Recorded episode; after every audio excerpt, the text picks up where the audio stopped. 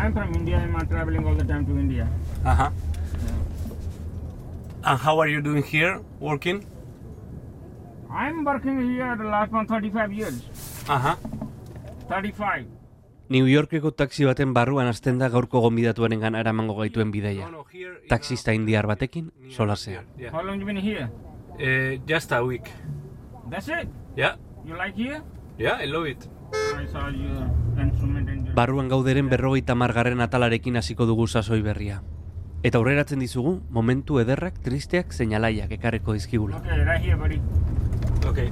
Galdu nahi espaituzu, arpidetu EITB podcasten edo zure audio plataforman.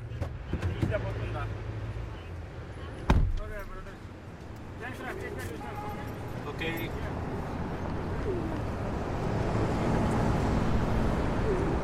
Taxiak, bosgarren etorbidea eta berrogeita bigarren kalea gurutzatzen diren lekuan utzi gaitu.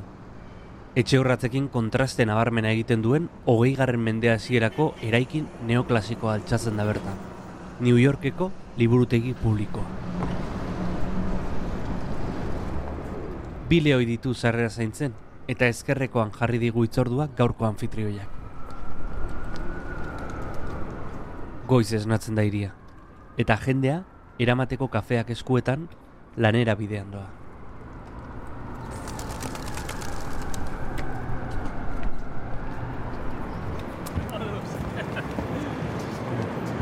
Kaixo. Denbora itenean. Bai, oso ondo, primeran. Ez ote dengo beste lehoirik, beste nun bait. Ez, ez, bi hauek daude.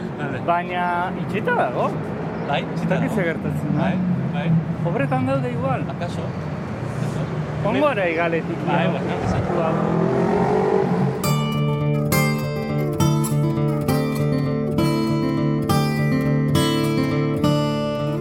Gaur barruan gauden, Kirmen Uriberen New Yorkeko etxean sartuko ditugu mikrofonoan. Euskal Herrian gertatu denaz ez dut fiziorik egin nahi. Ulertzeko ze gertatu den egiazko historia bat kontatuko dizuet. Zue jakiteko hortik gatu zela. Zue jakite- jakiteko testu inguru horretan gertatu zirela gauzak. Hmm. Ulertu.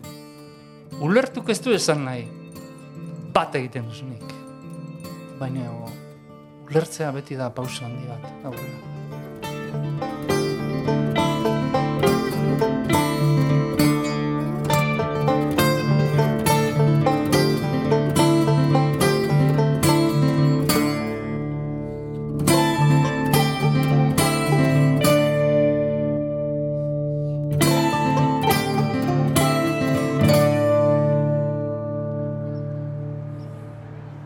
Parke bada, Bai.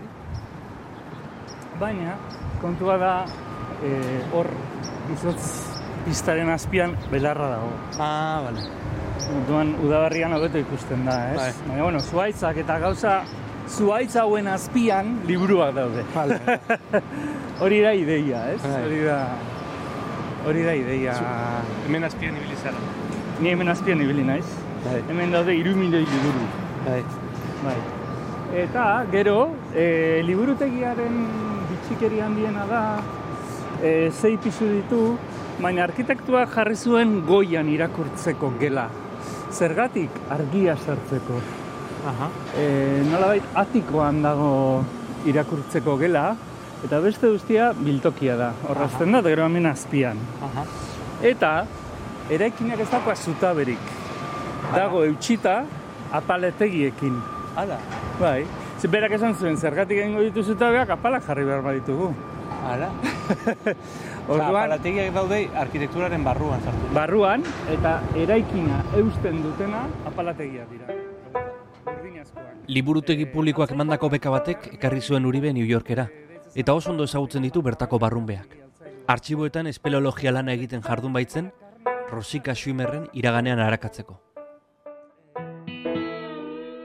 Lan horren emaitza da izurdeen aurreko bizitza liburua. New Yorkeko liburutegian badaude bizitzak. Kutxetan gordeak, ez? Pum. Ez bakarri liburuak, bizitzak. Taka. Horrek esan nahi du, kartak, argazkiak, ez dakize, personaiaren, kartak, argazkiak, ez dakize, e, e, egunerokoak, dena, ez? Eta horietako bat da Rosika Schumer. Orduan, aukera izan nuen bere artxibi bategiko eundero eta mazai kutsa zabaltzeko. Horrek arrisko handia dauka. Ni ja, joan nintzen, e, ez dakit ikusi duzun zuri Miki honena e, e, pelikula, Oskar Alegriarena, eta bueno, hori esperimentua da, ez? Bera, txikitan egoten zen e, irlara joan, eta entxe uda pasa, ez? Ba, nik, nik ere esperimentu bat egin nahi nuen liburu bat idazteko. Eta esperimentu bat zen, rosikaren kutxo horiek zabaldu, eta ikusi ze gertatzen zitzaidan niri. da, esperimentu fisiko bat, inkluso, ez? Edo, edo nire, nire ingurukoei, nire familiari. Eta, eta hori egin dut, hori egin dut. Hasi nintzen kutxa zabaltzen, eta deskubritu nuen bizitza bat, jaso nuen bizitza hori, mm, ahalik eta humanoen ager, agertzeko eran, bai Rosika, bai Edith, bere mundu hori, Einstein, ez? Oso mundu berezian bizi zen. Eta gero, horrek ekarri dit, nire haurtzaroan, nire sorterrian, pentsatzea, ez?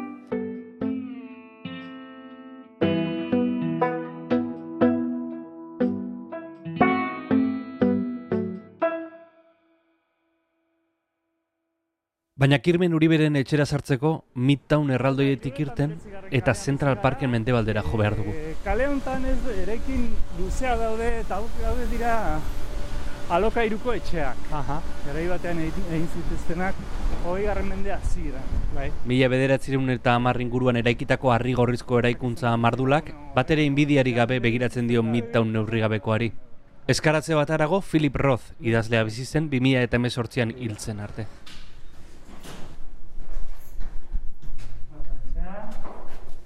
Seven E.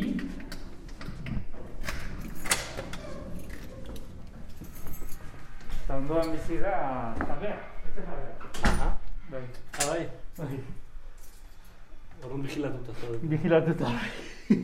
Ez dago etxe ikaragarririk, eh? Zederra. Bai, hau da. Etxea, eh? Bai, Eskerrik asko, txik, bueno, txikia, zanen, e, bi gela ditu, gu, guk lo egiten dugu gela txikian, umeen gelan guk egiten dugu lo, eta ume, umeek dute gela handia. Egongelak leio handi eta zabal bat du, eta bertatik New Yorkeko skylinea ikusi daiteke. Goxoa eta argitsua da lekua. Iritsi ginean ikaragarri izan zen, zezan, buf, ez? E, bista hau, justu hegoaldera ikusten duzu, eta, eta Empire State hor dago. Empire Stateen punta ikusten da, Bank of Bai. America, eh, hor John Len- Lennonen etxea, Dakota, eh, eraikin berriak, parkekoak, Bai. Central Park, Etxebizitzak South, hauek bai. dira, bai. Eta Lujuzko etxe bizitza. Dietz deitzen den eh, eskina hori, hor Hudson Yards, hortxe, hortxe dago. Ba, nahiko eraikin daude, umeak horre biltzen dira, eraikine, eraikinei begira, ez? Egongelaren alde batera mai zabal bat dago, eta bertan jarriko ditugu barruan gauderen mikrofonoak. Zer klotu zaitu New Yorkera?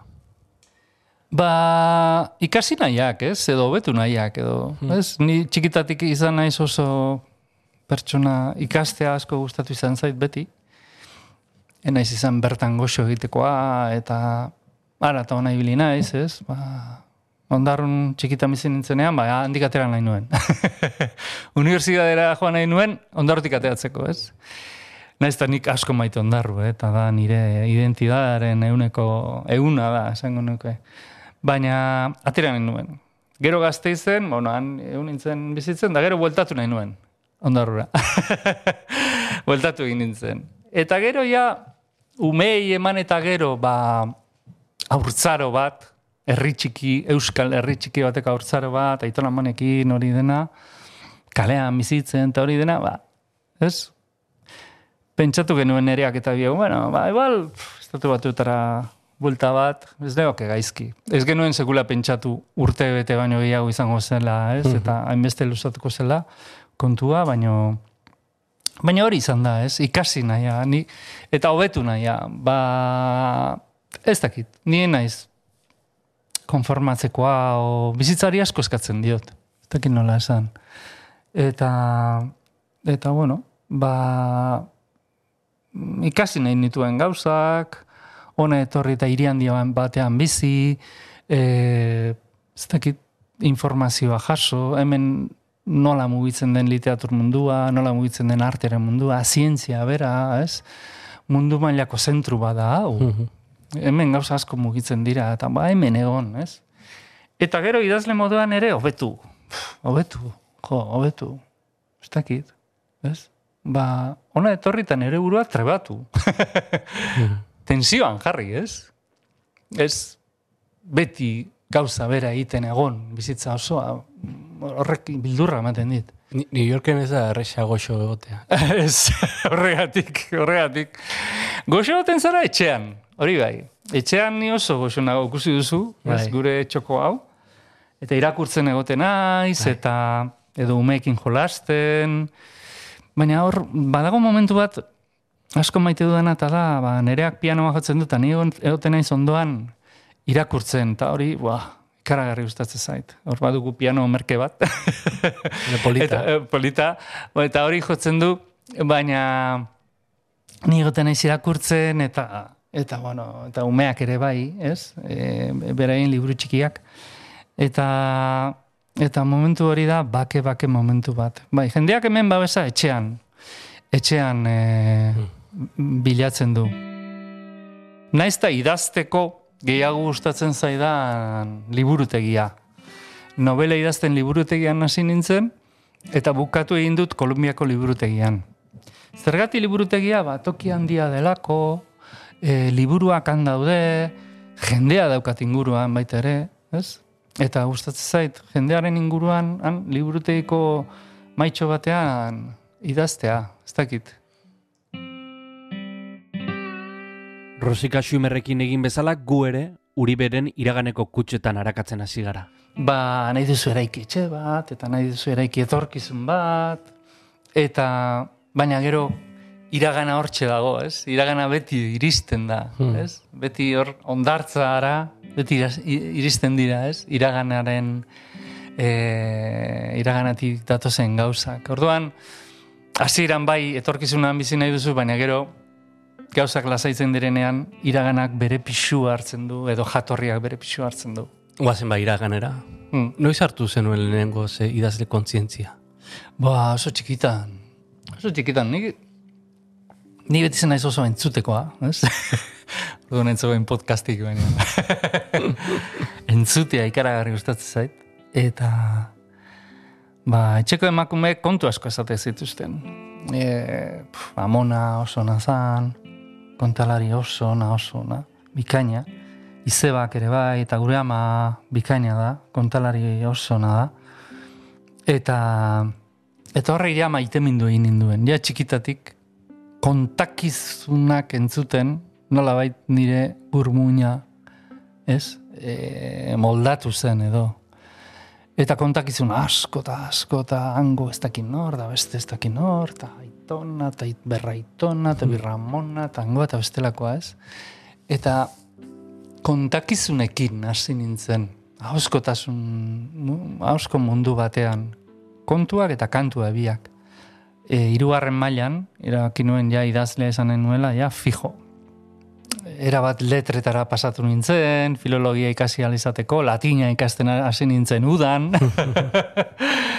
eta, eta gero filologia ikastera joan nintzen gazteizera oso pozik.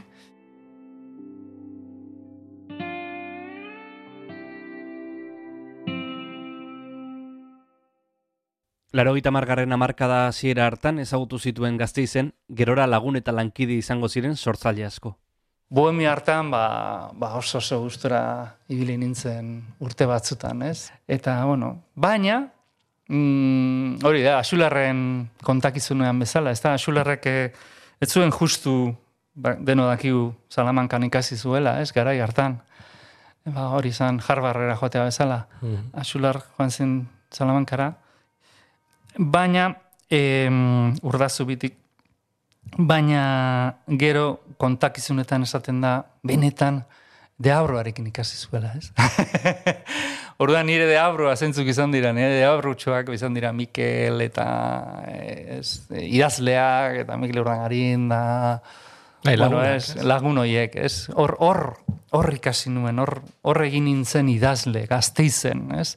Naiz eta ondarrun nahi, nahi izan, mm, ondarroko eziketa bestera batekoa izan zen, ba, politikoagoa, nahi baduzu, ba, gaztetxean ibili nintzen, eta mm, insumizioa garaiera izan zen, soldaduzkari ez ez ezatearena, gaztetxe garaia, irrati librea, Esperantzari gabeko zenbait debekatua dezente Mila galduak eta inbeste gau bakarrekoa terpe Asko laugarren begiradatik betirako dirudite Asko aldatu da, ez? E, mundua, esango nuke, Euskal Herria ere, bai, eh? laroita margarren amarkadatik ona. Bai, asko aldatu da, baina begira, gazteizko gaztetxean, ni hasier alturanekin egon da nago, e, e, Arkaitz Martinez e, horrekin, e, hor- o- hor- horreka teixakoarekin, egon da nago jende askorekin, gazteizko gaztetxean. Gero, behira ze bilaka, eto Mikel Ordangararekin, jakina. Bai. ze bilakatu diren, ez da? E, bakoitza bere esparruan, baina garai hartan ginen gazteak, garagardo bat edaten, gaztezko gaztetxean. Eta, eta bai, orduan zegoen mm, beste mundu bat. Zan Aliziak Aliziari hartatzen zaion, ez da? Zulotik erortzen da, eta beste mundu bat eragaten da. Eta guk ere Euskal Herrian bazegoen beste mundu bat. Gizartetik kanpora zegoen mundu bat. Eta hori ziren gaztetxea, ziren insumizioko mugimendua, mugimendu ekologista, hor pff, denetari zegoen, gainera zeuden anarkista, komunistak, ez dakit, denetarik alako, alako gauza, ez? E, oso koloretsua zen giro bat zegoen, ideologia desberdin asko zeuden, baina zen mundu bat aparte zegoena gizartetik. Eta gu mundu hartan bizi ginen. Mundu hartan bizi ginen. E, bizi ginen gurasoen munduan, nola baita esan, sisteman, baina gero kalera ateratzen ginenean beste mundutxo bat zegoen, eta antxe, antxe hazi ginen pertsona bezala. Hankak lurrera ekarri ditu irribarre salatarez Bazkal ostera itzuli eta amar milagarren aldiz. Aspaldi hartu dudalakoan kafea ustu zait berri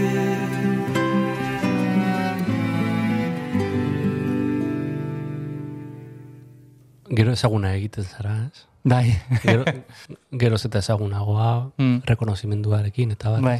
nola kudeatzen da hori. ba zaila da, zaila da, oier, hori, uf, zaila da. Mm, ez dakit, eh, hola, hasierak oso politak izan ziren, ez? Ba, lehen da bizi, hor, Jon Elordirekin batera egin nuen eh, saiakera bat, fakultatean bertan, bosgarren mailako lan bat zen. Jon Kortazarrentzat egindakoa. Lizardi eta erotismoa. eta Jonek, Jon eta biok eta lan luzea genuen. Bukatu gabe ja, Jonek bikain jarri zigun. Bukatu gabe. eta Jonek esan zidan, eh, Jon Elordik esan zidan. Bueno, eh, orkestu dugu za- saiakera eh, hori, lehiaketa batera eta, bueno, vale. Eta orkestu genuen Arabako foru aldundiaren e, sariketa batera, Hmm. eta justu orduan txe insumizua nintzen da kartzelan nengoen basaurin, eta orduan eman ziaten saria. Hori izan zen hasiera, ez? Gero nire anaiak bazuen talde bat, eta hau bai dela askoz lehenagokoa, amabos, tamasi urterekin ja, hasi nintzen poemak idazten, da berak poemak, niri baimenik eskatu gabe, kanta bihurtu zituen. Tuka deitzen zen taldea, eta gero piztiak bilakatu zen. Bai. Baina, ez, hasi ziren nire letrekin kantak egiten.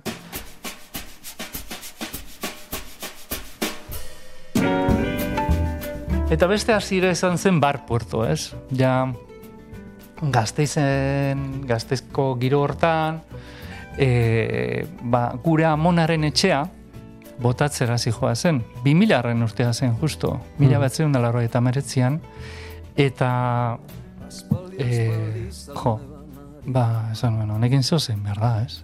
Amonaren etxea, berreun urteko etxea botatzea da, zeu zein behar da.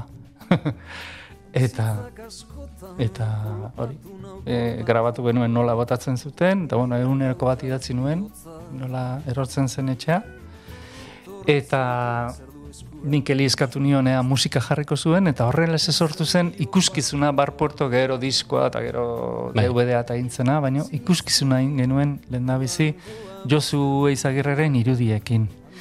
Eta, eta horiek izan ziren hasierak.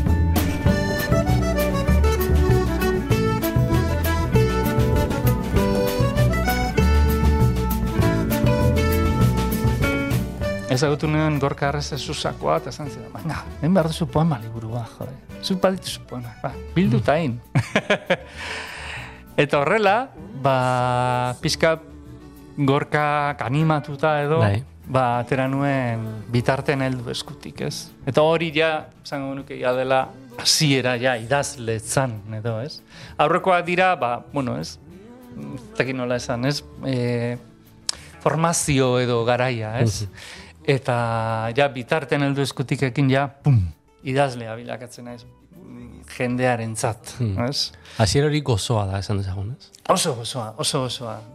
Bitarten heldu eskutik oso ondo joan zan, emanaldiak egin genituen, ba, segituan gaztelaniaz e, atera zen bizor etxean, uf, oso gauza zaila, frantsesez atera zuten, frantzen ere ibili nintzen emanaldiak egiten, gero Elizabetek inglesera pasatu zuen, lehengo poema liburua zen euskarazkoa. Estatu batutan ateratzen zena. Bai, bai. E, Zen amets bat, ez? Aipatu didazu hasiera gozoa, ez? Hmm. Eta gero dator mingotxa.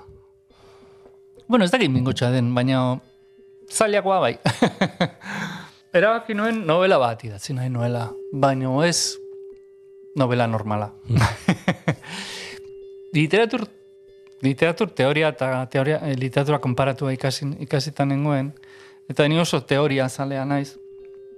Orduan teorikoki desberdina zen novela bat argitaratu nahi nuen. Nola bait, hogeta bat germendeko aldaketak jasoko zituena.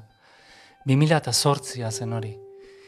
Eta personaia nagusi gabeko novela bat, tramari gabeko novela bat, non estiloak berak, ahotsak berak eramango zintuen ez, eta linkak, interneten bezala, link batetik bestera, lotura batetik bestera horrela dago eraikia novela, ez? Lotura bat dago, transizio bat, beste, beste atal batera pasatzen zara. transizio bat, beste atal batera pasatzen zara. Horrialdeak zabalduko bazinitu bezala, ez? Bai. E, internetean. Sare bat da, Bilbao, New York, Bilbao. Sare horrek duzer ikusia nire aitarekin, arrantzalea zelako, eta internetarekin. Orduan esan nuen, bueno, kontatuko dut sarearen historia. Egitura sare eduna eukiko du novelak eta aitaren familiaren historia kontako dut. Hortik tiraka eta tiraka da sortzen da Bilbao, New York, Bilbao.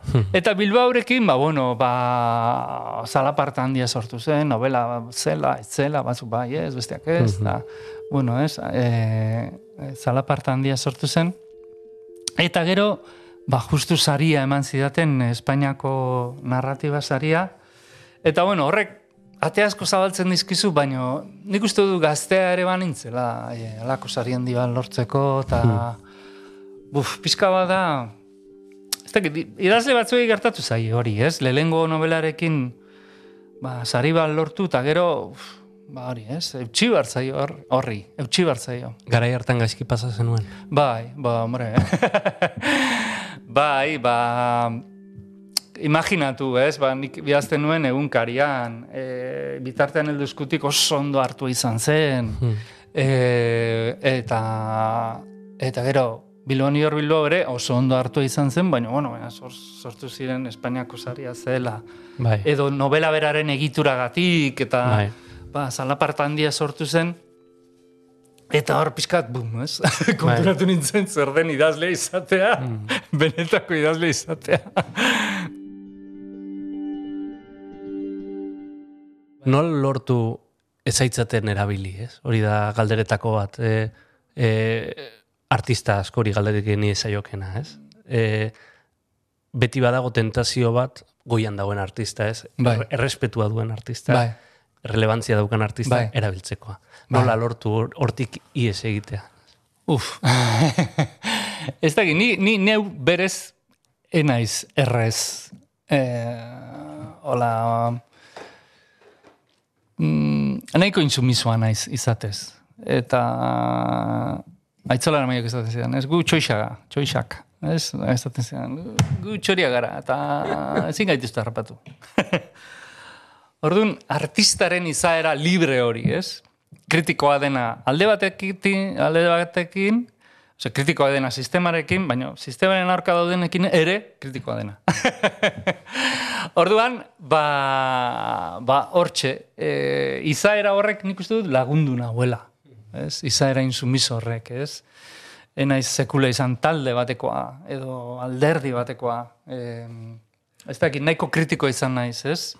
Edo independientea izan naiz. Eta horrek, horrek asko, asko laguntzen du. Ze bestela, garai hartako Euskal Herria, oraingo errezagoa da, nik uste dut, baina garai hartako Euskal Herria, uf, oso tensio handiko tokia zan, indarkeria politikoa zegoen, boa, eta, eta, bueno, tentsio handia, handia zegoen. Alde batetik, ez, ba, karo, hor, ni beti izan naiz indarkerien aurkakoa, eta, eta pf, horrek tensio handia sortzen zidan. Eta gero, beste alde batetik, Espainiak berak ere erabili egin nahi zaitu, ez? E, bere irudia zuritzeko edo eta uf, ba hor bi bi bi olatu handi hoien artean ibiltzen zara, ez? Arata ona, eta arata ona. Baina zuk argi ikusi behar duzu gauza bat, ez? Eta da zeure buruarekin zintzoa izatea eta eta eta non dizatu zen argi ukitzea, ez? Da nik beti izan dut. Ni naiz euskalduna. ni naiz euskalduna. Eta eta ni naiz aurrerakoia, bideia hoiekin. Orduan, bideia hoiekin beti beti aurrera egin eta humanoa. Ez? Beti pertsonaren alde, beti pertsonaren alde, sufritzen ari denaren alde, ez? Begira, sartu da maiatza. Zabaldu du bere betazal urdina portuan. Erdu eta egingo dugu berba betiko kontu ez. Hor badago momentu bat, e, molda e, Patxi Lopezek zure poema bat Ah, ja. irakurtzen duena, ez? Bai. Eta, bueno, bada, lendakari batek zure poema bat irakurtzen du. Bai. Baina testu inguru hortan, ez? Zuk esaten zuna garai hori oso, Bai. oso, oso ten, tensoa Makurra, zen. makurra zen, bai, bai. e, tensoa zen, e, bueno, e, orain kontatzen hasita ematen du, orain dela urte pila bat gertatu da, eh? baina bai, ba, e, ezker hartzelea legez kanpo zegoen, Hmm. e, eta e, Jarraitzen zuen bere, e, bere horretan, eta bat batean, e, e, lendakariak zure poema bat irakurtzen du. Bai, baina eh, ez dakit.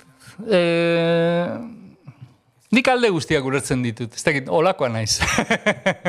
Beti zaitzen naiz bestearen tokian jartzen, ez? Bestearen ideia hori. Eta, bueno, nik alde batetik eskertzen diot irakurtzea nire poema. Ze, bueno, zan, eh, eh, hola, akto instituzional bat, ez du zer ikusirik alderdiekin, insti, erakunde bada, Eusko Jaurlaritza, eta Jaurlaritzako buruak irakurtzen du nire poema bat. Bueno, ba, listo. Ez? Mm, behin poema idatzita, e, baina ez da norberaena, jendearena baino, eta bueno, ba, irakurtzen badu, ba, listo. listo, ez? No, nola hartu zinen, e, e, zuela? E, irratitik. Entzule hona naiz. eta irratian entzun nuen. Eta, bua, esan nuen, ahi da. eta jakina, gero, ba, hain, hain Euskaldunok hain paranoikoa garen, ez, ja, jende, ez, ba, ez dakiz zer, irakurri du, ba, kirmen pesekoa delako, edo ez dakiz zer delako, edangoa delako, edo bestelakoa delako, eta, bueno, ja, buf, ez? Lokazten zare, bapatean lokatzetan zaude, ez da? Bai, bat batean lokatzetan zaude. Baina, bueno, keinua bera, nik uste dut, ez dakit. E, berak eintzuna izan zen, ba, bueno, eh, onbera izan zen, ez? Nik uste dut, ez? Orain urteak atzera e, irakurketa egin da, takit, ez? denok gordetzen dugu betiko besteren alde eskutu bat. Gero, egia esan, horrelako gauza begiratu eta konturatzen zara anedota direla.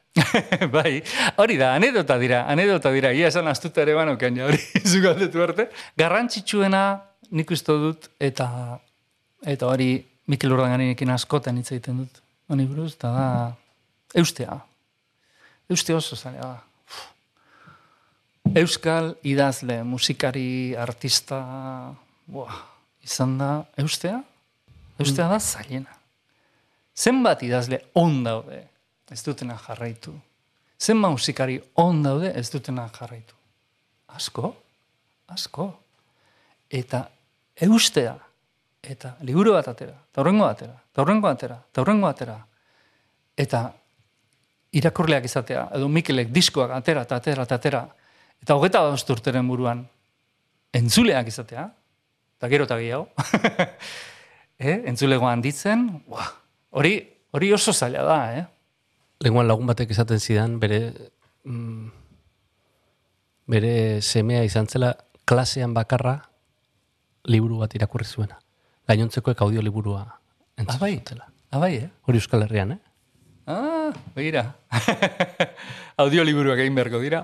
Bueno, es, estatu batuetan be- bereziki zabaldua dago, ere, ez? Audible dago hor, eh, Audible dago eta oso gauza interesgarriak egiten ari dira. Eh, oso oso eh, antzokitan egiten ari dira orain emanaldiak, eh, kontuz. Eta hori guretzat idazleentzat ere aukera bada. Antzokitan irakurtzea, ez, liburua. Eta gauza politak egin daitezke maila hortan, eh? E, Bilbao, New York Bilbao ateratzen dugunean, e, ingelesez ateratzen denean estatu batutan, e, badut gogo hori egiteko, ez? Irakurtzea, eta Elizabeth ere horre egotea, irakurtzen, eta gero igual Mik, ja, Mikel ere etortzen dan musika pixka jartzeko, ez? E, olako audio bat egin zuzenekoa. Eta hori da buruan dakoa dana udazkenean egiteko. Zaila da, eh? baina ea egiten dugun, ea egiten dugun. nola ikusten duzu hogeita bat garmendea, nola ulertzen duzu? Uf, ba, hoge, hogeita bat garren mendean teknologiak ikaragarrizko indarra eukiko du, ikaragarrizkoa. Hor, sartu ginean etxean, ikusi zen teknologia dela erregea, ez?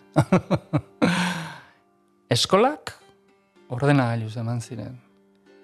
Berriak ordenagailuz ja, jasotzen genituen jendea asko engantzatu zen adibidez podcastetara edo audioetara. E, irakurri ere egin zen, baino pelikulak, serieak, dena zegoen bideratuta teknologiatik edo internetetik, esango nuke. eta, eta horrek, bai, horrek, horrek markatuko du asko. Sareak markatuko du asko eta garren mendea. Eta beste alde batetik, beste zera bat ere sortu da, ez? Pandemia zerrekin mokatu zen, manifa batekin, hemen. E, etxean egon ginen, eta bapatean jendea kalera atera zen. Zeratik George Floyd afroamerikarra hil zutelako. Bapatean kalea bete ziren. Pum. Hmm. Orduan, hogeta bat garramendea horti doa. Teknologia, interneta, eta gero, justizia nahi bat dago bere bai. Ez? Jendea nahi du mundu hobe bat. Mundu hobe bat. Eta, eta bi ardatzetatik joango da. Bi ardatzetatik. Bai. E, e, gutxiengoen eskubideak, hizkuntza txikien eskubideak, ikusiko duzu nola horrek estanda ingo duen, amarrute barru, edo bost, zei, zazpi sortzi amarrute barru, hizkuntza txikiek pixu handi hartuko dute, munduaren anistazunaren parte handi bat direlako, hizkuntzak, eta hortik joango gara. Teknologia eta e, justizia, edo eskubide zibilen aldeko mende bat. Gerrak bukatzen ez badu gurekin, hori da. Hori da, irugarren gerra mundiala hitz egiten da ere orain, asko. Bai, bueno, uf, enuke nahi horra iristea. Baina, badakizu hemen, ez dakit ikusi dugun, baina badago hor, hemen, eraikin honetan bertan, hiru em, hiru ez, bi, e, bigarren mundu gerra eta gero, sortu zituzten babeslekuak, e, babesleku nuklearrak. Eta bat hemen azpian zegoen. Eta kartela orain di badago. Hala, hala. bai, bai, bai, bai. Hor, e, Spaitek ida- idazten du, Bai, e, eta beldurgarria da, orain berriz irakurtzea ez, baina mm, nola hasi zen lehenengo mundu gerra ez? bai. Eta inork ez zuen, la, inundik ere espero e, ba? zela, etorriko zela, ez? Denak e, e, lasai zeudela berea, be, Bai. bere eguneroko egiten da bapatean, Bai, ez? Bai, Bapatean gertatzen da gauza bat, dan aldatzen azten dena, dana pikutara. bai, Dana bai. pikutara, eta bere gurasoek, ez? E, bizi izan zuten pake Garai hori. garai erraldoi hori oparotasuna kulturala. eta- bai, imperioaren garaia. Bai, bukatu intzen. Bai, nik askotan izan dut beldur hori, ez?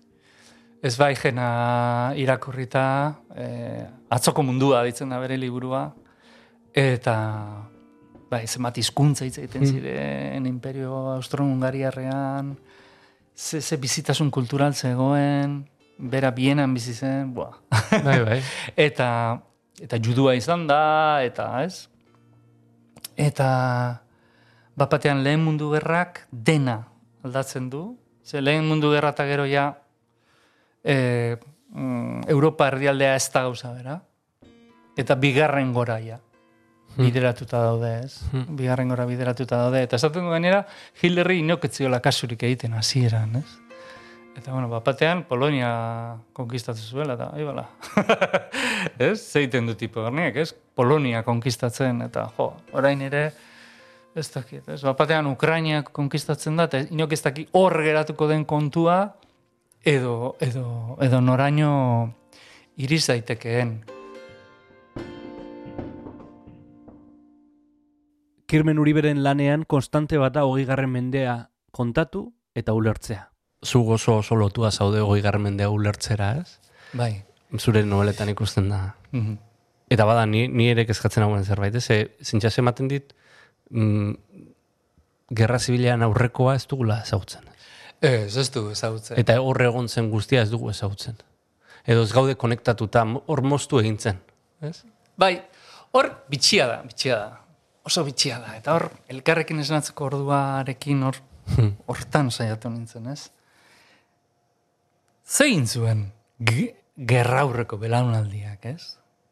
Eta irurogei garren amarkada raino iristen den e, belaunaldi horrek. Zein zuen, ez? E, gu, hazi ginen, irurogei amarkadatik ona emandako iraultzarekin, ez? Ikastolak, sortu ziren, estokamairu, oskorri, eh, bueno, ez? Imanol, Bai. musika hori, Frankismoaren, idazleak, frankismoaren erreakziotik sortutako bai, dana, eh? erresistentzia horretik, eh, horretatik sortutakoa, eta gainera, irurogei amarkadatik ona, ez da? Baina, belaunaldi horrek bi gauza egin zituen, gauza asko egin zituen ondo, baina ikuspegi aldetik, bat, gerra horreko ikuspegia erabat aztu entzan. Aztu entzan, bat, eta bi, oso Euskal Herrira mugatuta geratu ziren. Oso Euskal Herrira mugatuta lan egiten zuten. Orduan, igual beharrezkoa zelako, eh? baina diaspora aztu entzen, erabat, Euskal Herritik kanpoko Euskaldunak ez dira existitzen, eta gure aurreko belaunaldiak ez dira existitzen. Kuriosoa da, ez? Eman zen aldaketa hori. Baina gu gara, aurrekoengatik, gara gu. eta nolakoa zen gure aurreko belaunaldia. Buah. Ba, Frankok gauza askorekin moztu zuen. Frankok eta gerra hotzak ere bai, eh? Mhm. Baina aurretik egon zen belaunaldia ikaragarria izan zen e, buah, ba, arte mailan, musika mailan, literatura mailan, batez ere zeukan ikuspegia ez, oso ikuspegi europearra zuten, Bilbo garai hartan zan Europako hiri garrantzitsunetako bat, Mhm. oso, oso, oso potentea zen, ekonomikoki eta kulturalki, eta gainera harremana genituen munduko jendearekin eta munduko euskaldunekin. E, Latinoamerikako euskaldunekin harreman oso oso estua zegoen, Asiko euskaldunekin oso harreman estua zegoen, Euskal Herria zegoen munduan. Eta Franco horrekin moztu egin zuen. Krak! Eta artisten ikuspegia ere, batez ere hau, Antonio Bezala, Arteta, e, Zubia horretarrak, eta belaunaldi hori oso mundura begira zegoen. Munduan, e, Saretua, ez? bai, saretua, erakusketak New Yorken egin zituzten, hemen, hemen badaude oraindik beraien lanak, ezaguna dira oraindik, eta e, Parisen, eta orduan oso potenteak ziren zentro kulturaletan egoten ziren, ezta? Eta gero hori agirre eta gero, agirre hil eta gero, irurogeian hil zen justu, hor badago aldaketa ikaragarri bat. Aldaketa ir- i- ikaragarri bat, ezta? Eta orduan, bai, arantzasuko giroa, bestea, baina oso, oso Euskal Herrira mugatu. Kurio, kuriosoa da, Geratzen da kontua. Eh, kuriosoa da, eta asko esan nahi du, ez? Baina gure eskoletan ez dugula ikasten euskal pintore ezagunak, garai hartako euskal pintoreak zintzuk zian, ze mugimendu sortu zuten, e, hori oso garrantzitsua da, eta ez dago gure kurkulumean, ez? Ez dago kurrikulumean eta egon beharko luke. Egon beharko luke. Adibidez, ez? Hori adibidez, baina beste gauz asko ere, eh? baina, baina, ostras, nola da posible ez ezagutzea hoiek, ez? Bai, hori egin, egon beharko luke e, garaiz ezberdinak, ez? Meretzi garremendeko, ba, ez, estanda hori. Baina, bueno, baina hoi garremende hasieran ere ikaragarri izan, ze? Kulturala, bertsolaritzan ere, bai? Baita ere. Txirrita, eta horiek, or- orduan, ba, ikaragarria ziren. ez? orduan, garai hori, nik uste dut gure aurreko belaunaldiak ik- ikusten zituela hauek, ba, gerra galdu zuten hoiek bezala, ez? Hau dira gerra galdu dutenak, ez? Gudari zarrak, ez? Hauekin aztu. aztu. Guk salbatuko dugu Euskal Herria, ez? Eta pizkat, egon zen hor krak handi bat, aurrekoekin. Hogei garren mende hasierako Euskal Herri hori jasotzen du kirmenek elkarrekin esnatzeko ordua nobelan. Horra gertzen dira Antonio bezala, Manu Sota, begira, eh, Manu Sota bezalako personaje bat, nola aztu egin dugun, ez? Beste que se llama pelikula, egin- daitezke berarekin, serie bat egin daiteke berarekin bakarrik. Eta belaunaldi hori dena, eh, aita donostia, guridi, gaur egunean ere koroetako musikan, mundu mailako koroetako musikan, guri diren kantak kantatzen dituzte, baina hori. Baina e, ba, hemen, Europan, edonon. Eta, eta hori dena, pizkat, guk geuk aztu dugu. Munduak baino gehiago guk geuk, ez? Guk geuk gutxietxe egin ditu goie denak. Horti dator ere zure gogoa kanpora ateratzeko. Bai, buf, bai, bai. bai, begiran, zelan egin zuten hauek, gezala bat ezin da ulertu, Parisera joan gabe. Bez? Arteta bat ezin da ulertu, Parisera joan gabe. Haiek atera egin ziren, eta edo manusota bat Cambridgeen egon zen ikasten. Jo, pentsa zelako ikuspegia jaso, jaso zuten orduan, ez? Hogeiko hamarkada hortan. Eta, bai, beti kanporateatzeak asko ikasten duzu. Eta hobetu egiten duzu lana. Formalki, nola planteatzen dituzun gaiak, hori dena. Egotea zure herritik aparte pixka bat, eta egotea munduan mugitzen ari diren, ez, mugimendu artistikoen barruan, ua, ikaragarria da hori. Ikaragarria, berazgarria da hori zuretzat. Hogei garren mendearen amaiera ziurtasun ideologikoen garaia zen. Argi zegoen nor zen zer eta zertzen nor. Oraingo Euskal Herria ordea ezberdina da. Aldatzen ari da eta bizkor. Bueno, baina nik esango nuke orain mundua geure zain dagoela. Mundua geure zain dago. Mm, frankismoak ekarri zuen berroi urteko diktadura, beste berroi urteko diktadura ostea, ez? Nola gauzak bideratzeko edo, edo edo urak uer izatetik bare izatera pasatzeko, eta larogei urte hoien buruan, ba, bare aldi batean gaude ez da. Orduan, alde batetik sekulako aukera ditugu. Kanpora ateratzeko, gure kultura bestera batera sortzeko, indarrarekin, xarmarekin, eta hori aprobetsatu behar dugu. Hori aprobetsatu behar dugu. Mundua gure zein dago. Mundua gure alde dago. Lenez, orain bai. eh? Munduaren alde eguzkitsuan gaude, Euskaldunok. Eta, eta hori aprobetsatu behar dugu. Mm, aprobetsatu zentzu honetan, eh? Orduan, e, Euskara baloratzen da, kanpoan. Munduaren dibertsitate kulturala baloratzen da. Orduan, hor badugu ba, bide handi bat joateko. Kalitatezko gauzak eginez, aurrera, aurrera joateko. Militantziari dagokionez, e, kontua da, Euskararekin beti izan behar dugula militanteak. da, ba, berdintasuna, e, queer mugimenduaren e, e, eskubideak, arrazakeria, bakezaletasuna, orain, ez? Gauza horiekin bezala. Sekula ezin zara e, despistatu gauza horiekin. Eta Euskararekin ere ez. Euskara den alde beti egin beharko da lan. Beti egin beharko da lan. Zegatik, bueno, ba, garelako komunitate bat gutxien gotua izan dana. Urtetan, mendetan. Eta, bueno, ba, hortik atera egin behar dugu, ezta? Eta hortik ateratzeko, ba, bueno, ba, kontzientzia izan behar dugu.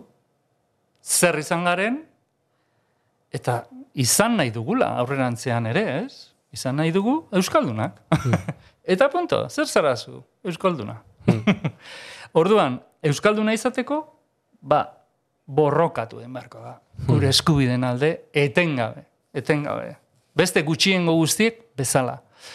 Horrek ez du nahi, hori txarra denik. Hori hona da. Hori hona da, esan nahi dut, bizirik zaude, eta, eta, eta bueno, ba, korronte batean zaude, mundua hobetu nahi duten guztiekin batera zoaz. Korronte hortan zoaz. Eta hori niri gustatzen zait.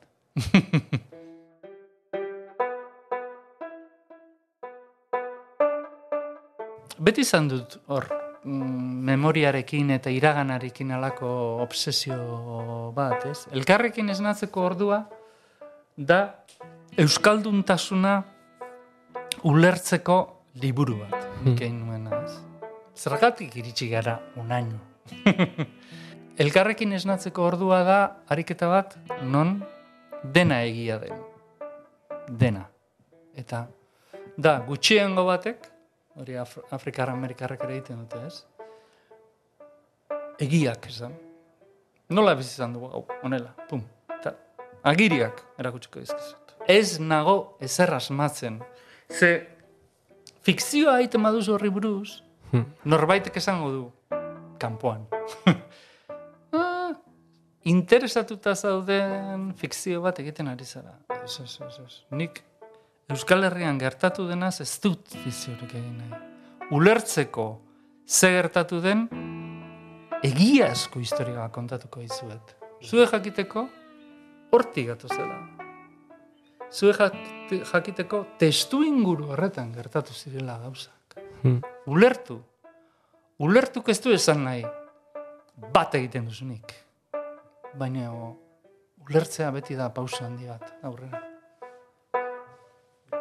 Historiak entzun egiten ditugu. Irakurleei entzundako historioekin egiten ditugu liburuak. Hori kriston jauzia da, eh? Nik ez du nire histori, nik ez dizut nire historia zuri kontatzen, o, nik asmatutakoa zuri kontatzen. Irakurleak kontatzen dit historia, eta gero nik irakurleari ematen diot bueltan. Hori iraltzen di bada. Kirben eskerrik asko etxeko atea saltzatik. Zuei, etorri berrez ere? Eskerrik asko.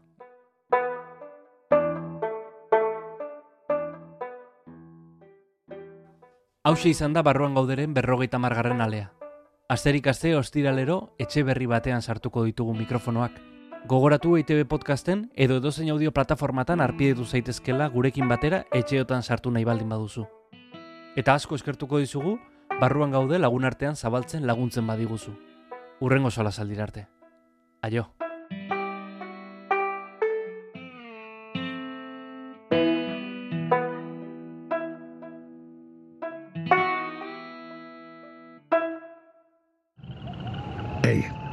Entzun hori. Ulu Media.